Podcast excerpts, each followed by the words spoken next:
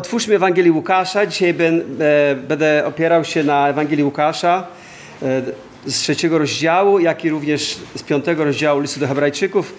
I na samym początku przeczytamy te dwa fragmenty, a później je omówimy. tak, piąty, e, trzeci rozdział Ewangelii Łukasza i piąty rozdział listu do Hebrajczyków. Trzeci rozdział od 21 do 22. Jeśli ktoś z Was potrzebuje Biblii, to podzielcie się. Kiedy cały lud przystępował do chrztu, Jezus także przyjął chrzest. Gdy się modlił, otworzyło się niebo i Duch Święty stąpił na niego w cielesnej postaci, jakby gołębica. Rozległ się też głos nieba. Ty jesteś moim umiłowanym synem. W Tobie mam upodobanie. I piąty rozdział listu Hebrajczyków, werset ósmy. Chociaż był synem, przez to, co wycierpiał, nauczył się posłuszeństwa. Do listu Hebrajczyków jeszcze powrócimy, a teraz skupmy się na, na tej e, części z Ewangelii Jana, e, z Ewangelii Łukasza, przepraszam, rozdział trzeci. Z moją żoną czytamy sobie e, książki często. Idziemy przez różne książki e, różniejszego rodzaju. Ona czyta na głos, ja słucham uważnie, potem dyskutujemy każdego dnia mm, i w ten sposób, oprócz oczywiście Biblii, którą czytamy osobiście, e, czytamy dobre, wartościowe książki. No i nasza, nasza córka porzuciła nam pewną książkę e, o tytule Liturgy of the Ordinary autorki Tish Harrison Warren. I ona to jest liturgia dla, nie wiem, dla zwykłych ludzi, czy nie wiem jak to nazwać. I tam dobrze czytać książki, nawet takie, z którymi się nie zgadzamy, które poszerzają nasze horyzonty. Tak długo jak czytamy krytycznie i wszystko porównujemy z Pismem Świętym, z Biblią, bo Biblia jest dla nas jedynym autorytetem, prawda? I ona napisała coś takiego, że nie, chcę wam powiedzieć, że nie doczytaliśmy się tej książki. Może powinniśmy kiedyś do niej wrócić, ale chyba ją zostawiliśmy tam, gdzie byliśmy. Ale nie dlatego, że nie warto ją czytać, tylko po prostu przeczytaliśmy coś, co, mm, z czym się nie zgodziliśmy. Mm. I ona napisała, że to jest niesamowite, że kiedy ojciec obwieszcz, ogłosił e, e, przy chrzcie Jezusa, Ty jesteś moim umiłowanym synem, w Tobie mam upodobanie, to, e, to Jezus tak naprawdę do tej pory On nic takiego nadzwyczajnego nie zrobił. Nic takiego. Na przykład jeszcze nie pokonał szatana na pustyni. Jeszcze nie został ukrzyżowany i nie został zmartwychwzbudzony. E, ona pisze, że wyda, wy, wydaje się, e, że to miałoby więcej sensu, gdyby ojciec e, z takim dumnym ogłoszeniem, to dumne ogłoszenie, obwieszczenie ojca przyszło po czymś wspaniałym, po czymś chwalebnym, jakimś, jakimś triumfie. Takim jakby choćby, gdy Jezus nakarmił pięć tysięcy, albo gdy zbudził z martwych Łazarza, autorka pisze. I ja muszę być ostrożny, aby nie krytykować autorów, ponieważ, wiecie, trzeba czytać zawsze w kontekście. Ale jedno to, co zauważyliśmy z żoną, że przydałoby się jakby bardziej dokładniej to opisała, że Jezus tak naprawdę niczego nie dokonał, jeśli chodzi o Jego publiczną służbę. To, to bym się zgodził. Ale bez takiego, takiego wyjaśnienia E, to wydaje się nam, wydawało się nam e, poważnym e, niedopatrzeniem, poważną niedokładnością. A kiedykolwiek mówimy o kimkolwiek, to musimy być dokładni, a szczególnie kiedy chodzi o Pana Jezusa Chrystusa. Bo On jest tym jedynym, który jest idealny, jest doskonałym życiem żył. Tak więc naprawdę Pan Jezus nic takiego, że tak powiem, wielkiego nie uczynił do tego momentu, kiedy stanął właśnie e, do wód chrztu. Moja żona mówi, a co jeśli chodzi o jego wcielenie?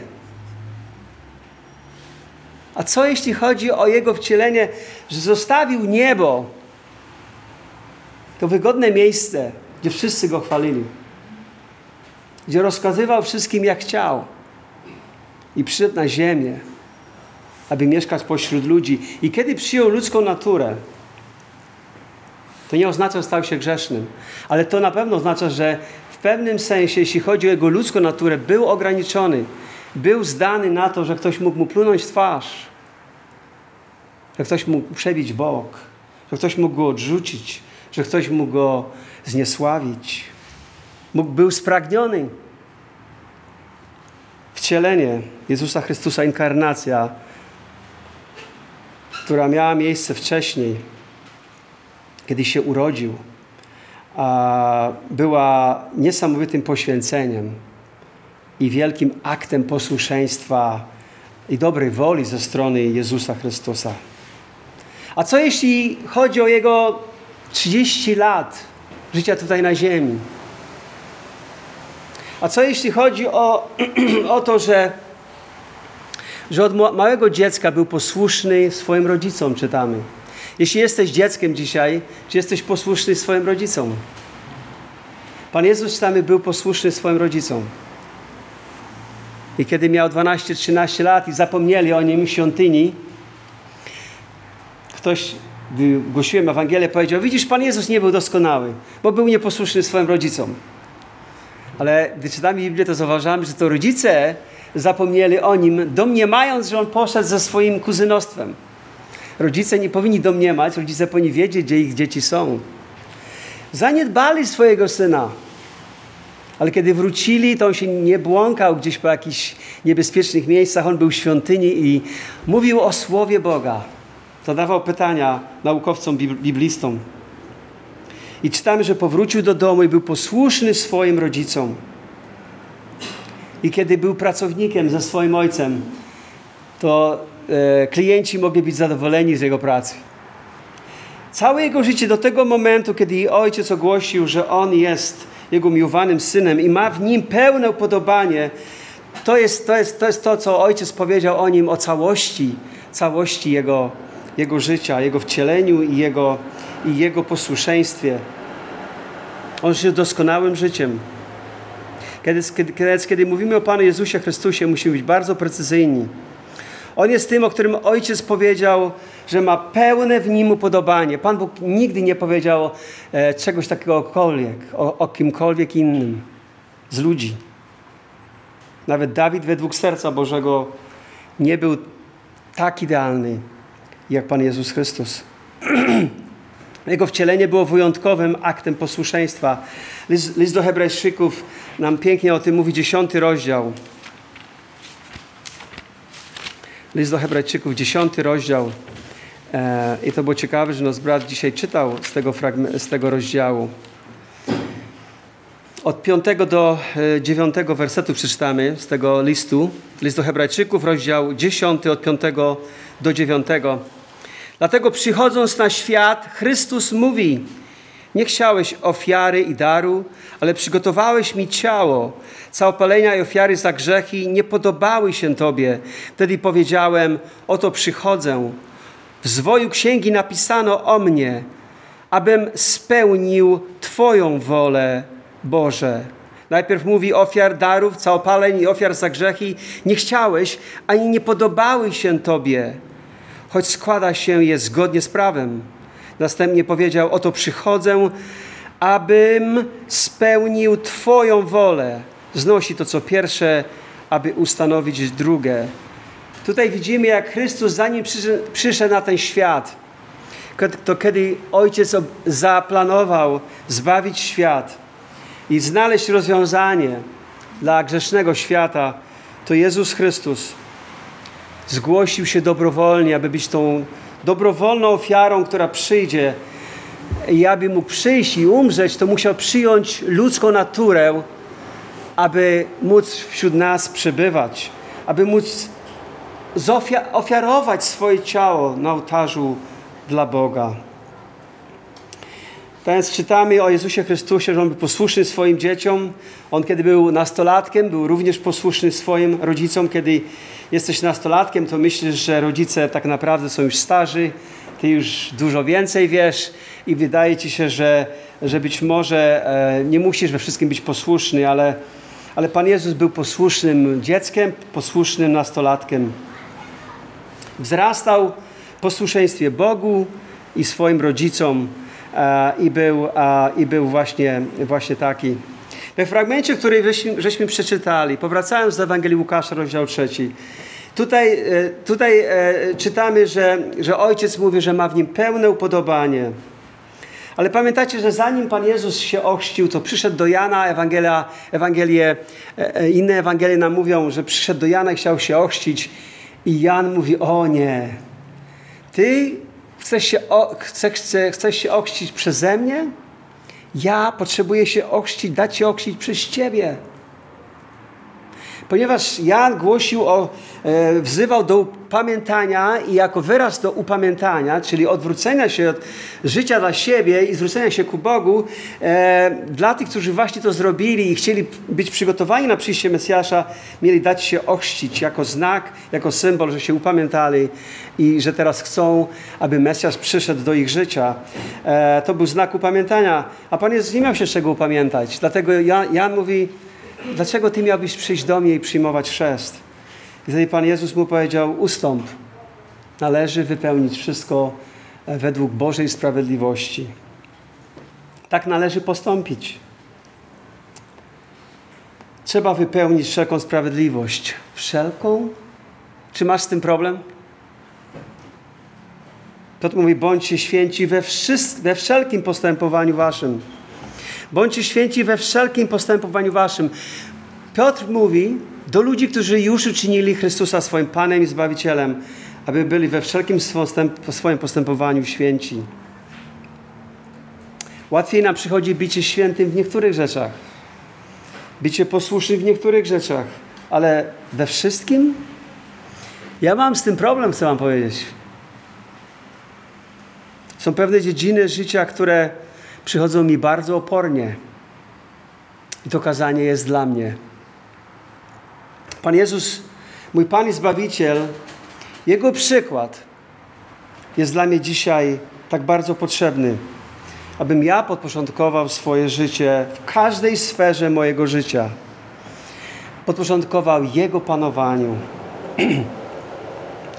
Czytając ten fragment, przeczytajmy go jeszcze raz z Ewangelii Łukasza. Kiedy cały lud przystępował do chrztu, Jezus także przyjął chrzest. Gdy się modlił, otworzyło się niebo i Duch Święty stąpił na niego w cielesnej postaci, jakby gołębica. Rozległ się też głos z nieba: Ty jesteś moim umiłowanym synem. W Tobie mam upodobanie. Ojciec musiał z wielką radością, z wielkim uśmiechem powiedzieć: jest ktoś, jest ktoś na tym świecie, jest ktoś na tej ziemi, który wypełnia całą moją wolę i mam w nim pełne moje upodobanie. Dwie rzeczy tutaj się dowiadujemy, o dwóch rzeczach się dowiadujemy, e, które jak gdyby stępują z nieba. Pierwsze, pierwsza rzecz to czytamy i te, te, te rzeczy, że tak powiem, są nakierowane na Chrystusa. Pierwsza rzecz, że jest głos, jest głos nieba. Otworzyło się niebo i właśnie E, pojawił się ten głos. Pojawił się duch, niby gołębica i rozległ się głos. Te dwie rzeczy zostają e, nakierowane na Chrystusa i e, ten Duch Święty przychodzi jakby w postaci cielesnej. Dlaczego w postaci cielesnej jako, jako gołębica? Ja myślę, że, e, że Łukasz i Duch Święty chce zwrócić naszą uwagę na, na to, co się stało po potopie. Tutaj Pan Jezus wchodzi do wody, wychodzi z wody e, i, i być może Łukasz chce, abyśmy pomyśleli, abyśmy mieli to skojarzenie z, woda, z wodami potopu. I kiedy jest koniec potopu, my wiemy, że potop był Bożym sądem e, na, na, na tej ziemi. I kiedy a, minęły te dni, to Noe chciał wiedzieć, czy te wody opadły już wokoło i czy jest bezpiecznie wyjść, wyjść z tej, tej arki. I czytamy w pierwszej księdze e, rodzaju, czy pierwszej księdze Mojżeszowej, księdze rodzaju, ósmy rozdział, werset dziewiąty. Ale gołębica nie znalazła miejsca spoczynku dla swoich nóg, gdyż powierzchnia całej ziemi była pod wodą i powróciła do niego, do arki. Nie znalazła spoczynku dla swoich nóg. Ta gołębica nie znalazła spoczynku dla swoich nóg. Czyżby Duch Święty chce nam pokazać, że teraz Duch Święty, kiedy Pan Jezus już wyszedł z tej wody Jordanu po chrzcie, e, z tych wód chrztu, można powiedzieć, to w końcu Duch Święty znalazł to właściwe miejsce spoczynku właśnie na nim. Trudno nie myśleć właśnie w takich kategoriach. Trudno nie widzieć tego skojarzenia. I to, co tutaj zauważamy, że jest głos, Duch Święty stępuje i jest głos. Głos pełny aprobaty odnośnie Jezusa Chrystusa, Syna Bożego. Ale te dwa wersety tak pięknie nam pokazują, jaką bliską, e, e, zażyłą, unikalną więź ma Jezus Chrystus z Ojcem i Synem. I wiecie, tu nauka o Trójcy, o Trójjedyności Boga już jest nam tutaj pokazana. Ona nie jest jeszcze rozwinięta, ale jest, już jest nam pokazana, bo czasami rozmawiamy z ludźmi, którzy nie wierzą w trójjedyność Boga, w Trójce i mówią, no przecież Biblia nie używa tego słowa, nie używa tego słowa, ale koncepcji używa. I jeśli umiemy liczyć do trzech, to bardzo łatwo to zauważymy. Tu jest zażyła więź, jaką Jezus Chrystus ma ze swoim Ojcem i Duch Święty wstępuje na Niego. Tutaj jest objawienie, które przychodzi z otwartego nieba. I mamy tą demonstrację, w tą fizyczną demonstrację, kiedy w cielesnej postaci ten, ta gołębica wstępuje na Jezusa Chrystusa, aby nam pokazać, że Jezus Chrystus, On jest w unikalnym znaczeniu, wyjątkowym Synem Boga. Oczywiście następny, reszta tego rozdziału pokazuje, że on ma również, on jest również człowiekiem. Końcówka tego rozdziału trzeciego pokazuje nam, że on jest, on ma, pochodzi z pewnej, z pewnej, a, mm, on jest, e, jego genealogia sięga aż do Adama, który, który, który, był, a, który był stworzony przez Boga. I Pan Jezus również ma to ludzkie e, pochodzenie, ale jest na samym końcu czytamy, jest synem Boga. Jest w pełni człowiekiem i jest w pełni Bogiem. Nic dziwnego, że Pan Jezus Chrystus słyszał głos z nieba: Ty jesteś moim synem umiłowanym, w Tobie mam pełne moje upodobanie.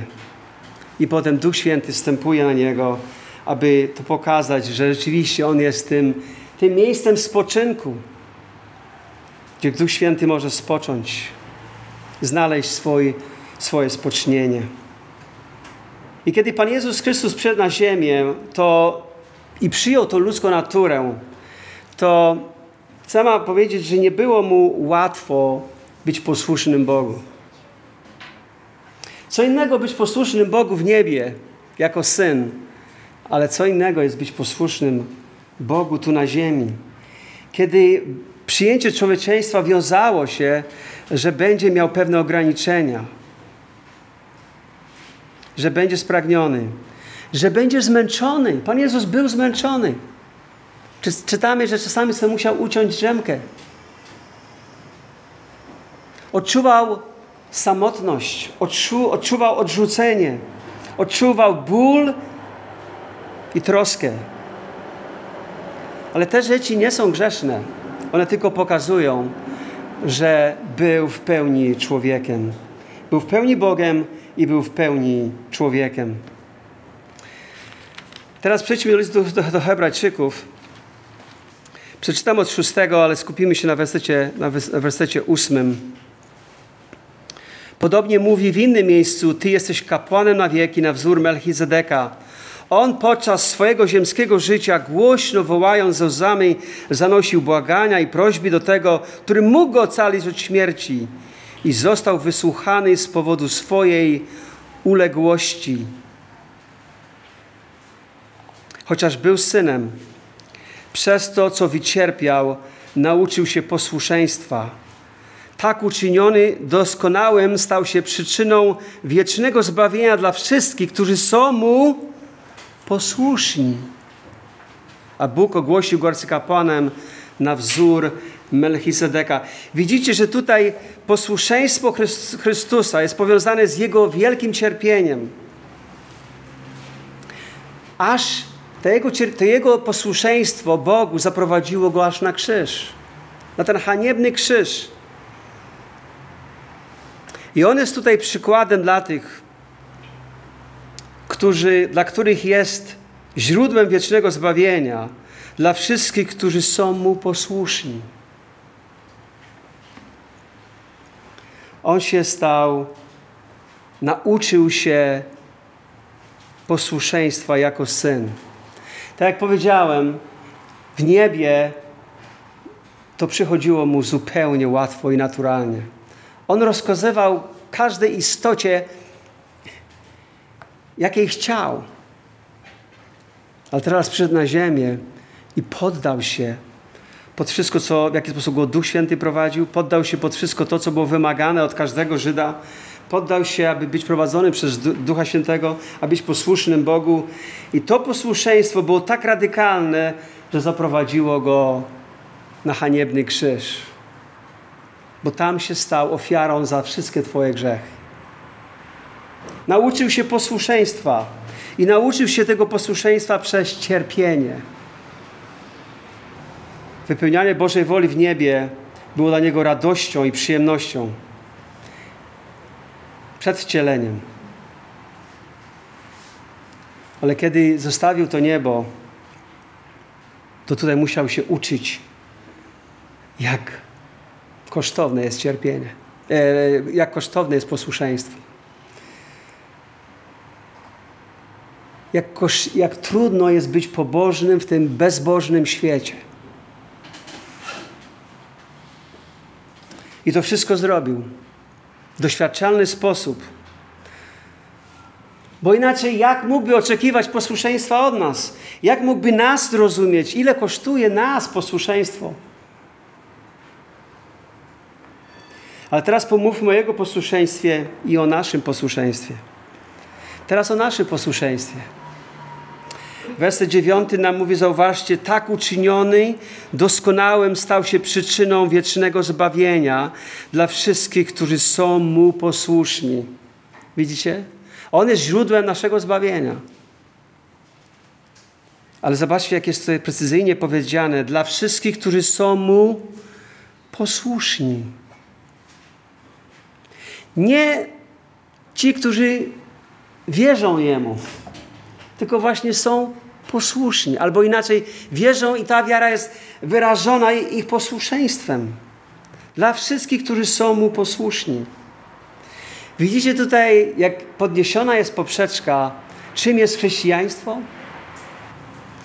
Od samego początku, gdy przyjmujemy wiarę chrześcijańską, to w liście do Rzymian w 16 rozdziale czytamy w wersecie 26, 16-26.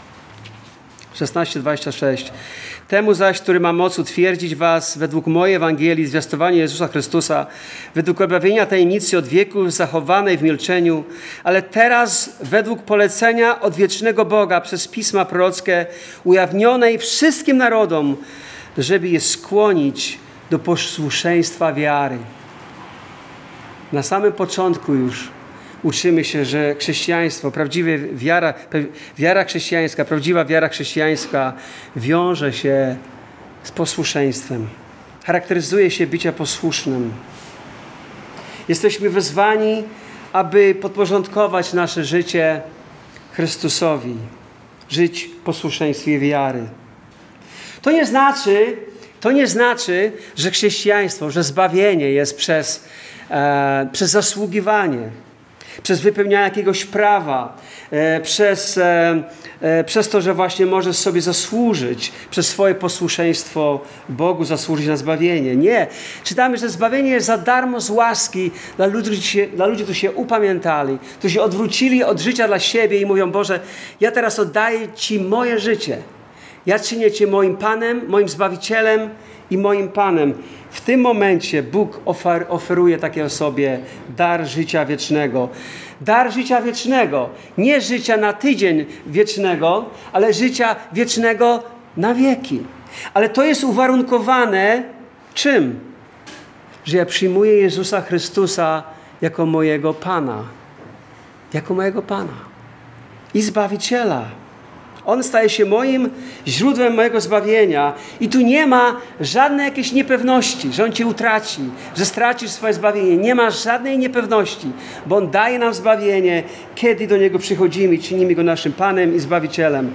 Ale daje nam swoje zbawienie za darmo z łaski, to wieczne zbawienie, pod warunkiem, że rzeczywiście przychodzimy do Niego jako Pana i Zbawiciela. Że od tego momentu chcemy czynić Jego wolę. I On na zawsze zbawia tych, którzy przychodzą do Niego. Ale musimy być przygotowani, że od tego momentu już ja nie jestem Panem dla swojego życia, ale to On jest moim Panem. Przywieźć do posłuszeństwa wiary, jak to mówi apostoł Paweł w swoim pierwszym rozdziale listu Rzymian. Jeżeli nie jesteś posłuszny Chrystusowi, jeżeli nie ma nadpragnienia bycie posłusznym Chrystusowi, to nie jesteś po prostu wierzącym. Jeszcze się nie nawróciłeś. I ja wiem, że posłuszeństwo Chrystusowi to jest takie posłuszeństwo dzieci wobec rodziców. To jest proces. Nie dzieje się to bez upadków, bez konfliktów. Ja zdaję sobie z tego sprawę i Biblia na tym mówi, że jako te dzieci posłuszne powinniśmy iść za naszym Bogiem. Piotr mówi jako posłuszne dzieci, a Paweł w liście do Efezjan bądźcie więc naśladowcami Boga, tak jak umiłowane dzieci i postępujcie w miłości, jak Chrystus nas umiłował i wydał samego siebie za nas jako dar i ofiarę na wonność miłą Bogu. To jest, jest, jest nam przedstawione to, jak bardzo nas Chrystus umiłował, że wydał samego siebie za nas. I dzięki Jego wydaniu, Jego ofierze my możemy być zbawieni.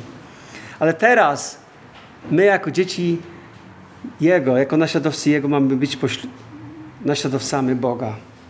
Jako te dzieci umiłowane, jako te dzieci posłuszne. Czy w Twoim życiu dzisiaj potrzebujesz być bardziej posłuszny Bogu? Potrzebujesz bardziej, aby Jezus Chrystus był naprawdę Panem Twojego życia? Być może nigdy Go nie przyjąłeś. Być może dzisiaj po raz pierwszy słyszysz o Nim, tak naprawdę. Czy jesteś gotowy dzisiaj uznać Go za swojego Pana i powiedzieć, ja już nie chcę czynić mojej woli, ja chcę czynić Twoją wolę, Boże, bo Ty mnie stworzyłeś dla siebie. Do tej pory żyłem dla siebie, tak jak ja kiedyś żyłem dla moich hobby, dla moich, dla moich pragnień. Dopóki nie zrozumiałem, że Jezus Chrystus przyszedł po to, aby umrzeć za wszystkie moje grzechy. Aby mnie pojednać z Ojcem. Ja chcę być pojednany z Ojcem. Przyszedłem do Niego i oddałem Mu swoje życie. Poprosiłem Go, aby mnie zbawił, że oddaję Mu bez reszty moje życie. Nie zdawałem sobie sprawy, kiedy modliłem się, Boże, oddaję bez reszty moje życie. Bo potem chciałem zabrać troszeczkę z tego życia i zachować dla siebie. On w swojej łasce ciągle mi przypominał, że nie mogę cofnąć słowa. I on nie może przyjąć połowicznej, połowicznej deklaracji. On mnie przyjmie takim, jakim jestem ale pod warunkiem, że ja odtąd uznaję Jego za mego Pana i Zbawiciela. Czy dzisiaj w swoim życiu potrzebujesz oddać jakieś dziedziny swojego życia w posłuszeństwie Jemu? Czy Twoje życie charakteryzuje się posłuszeństwem? To jest proces, który trwa przez całe nasze życie. Ale czy jest to pragnienie w Twoim życiu? Niech Duch Święty użyje tego kazania, tych, tych fragmentów, które omawialiśmy, aby nas jeszcze bardziej upodobnić do Jezusa Chrystusa. Bo ten świat zna dużo chrześcijaństwa, ale nie zna tego chrześcijaństwa biblijnego. Ty możesz być tą, jedy, tą piątą Ewangelią w życiu ludzi. Ty możesz być tą osobą, na którą ludzie się popatrzą i powiedzą: No, rzeczywiście żyje jak naśladowca Chrystusa. Skąd on ma tą moc? I będziesz im mógł powiedzieć o zbawieniu, będziesz mógł im powiedzieć o Duchu Świętym, który jest dany tym, którzy są Bogu posłuszni. Zrób sobie listę dzisiaj, w czym Twoje życie jeszcze nie jest posłuszne Bogu. Ja zrobiłem sobie wczoraj taką listę, chcę Wam powiedzieć. Mam zadanie na tydzień. I nie wiem, czy się uporam z tymi rzeczami. Wątpię, czy się uporam w tym tygodniu. Ale mam konkretne rzeczy, które Duch Święty chce zmienić w moim życiu. Nie pytajcie się mojej żony, bo ona ma dłuższą listę dla mnie. Ale Bóg ma też listę dla niej i dla ciebie.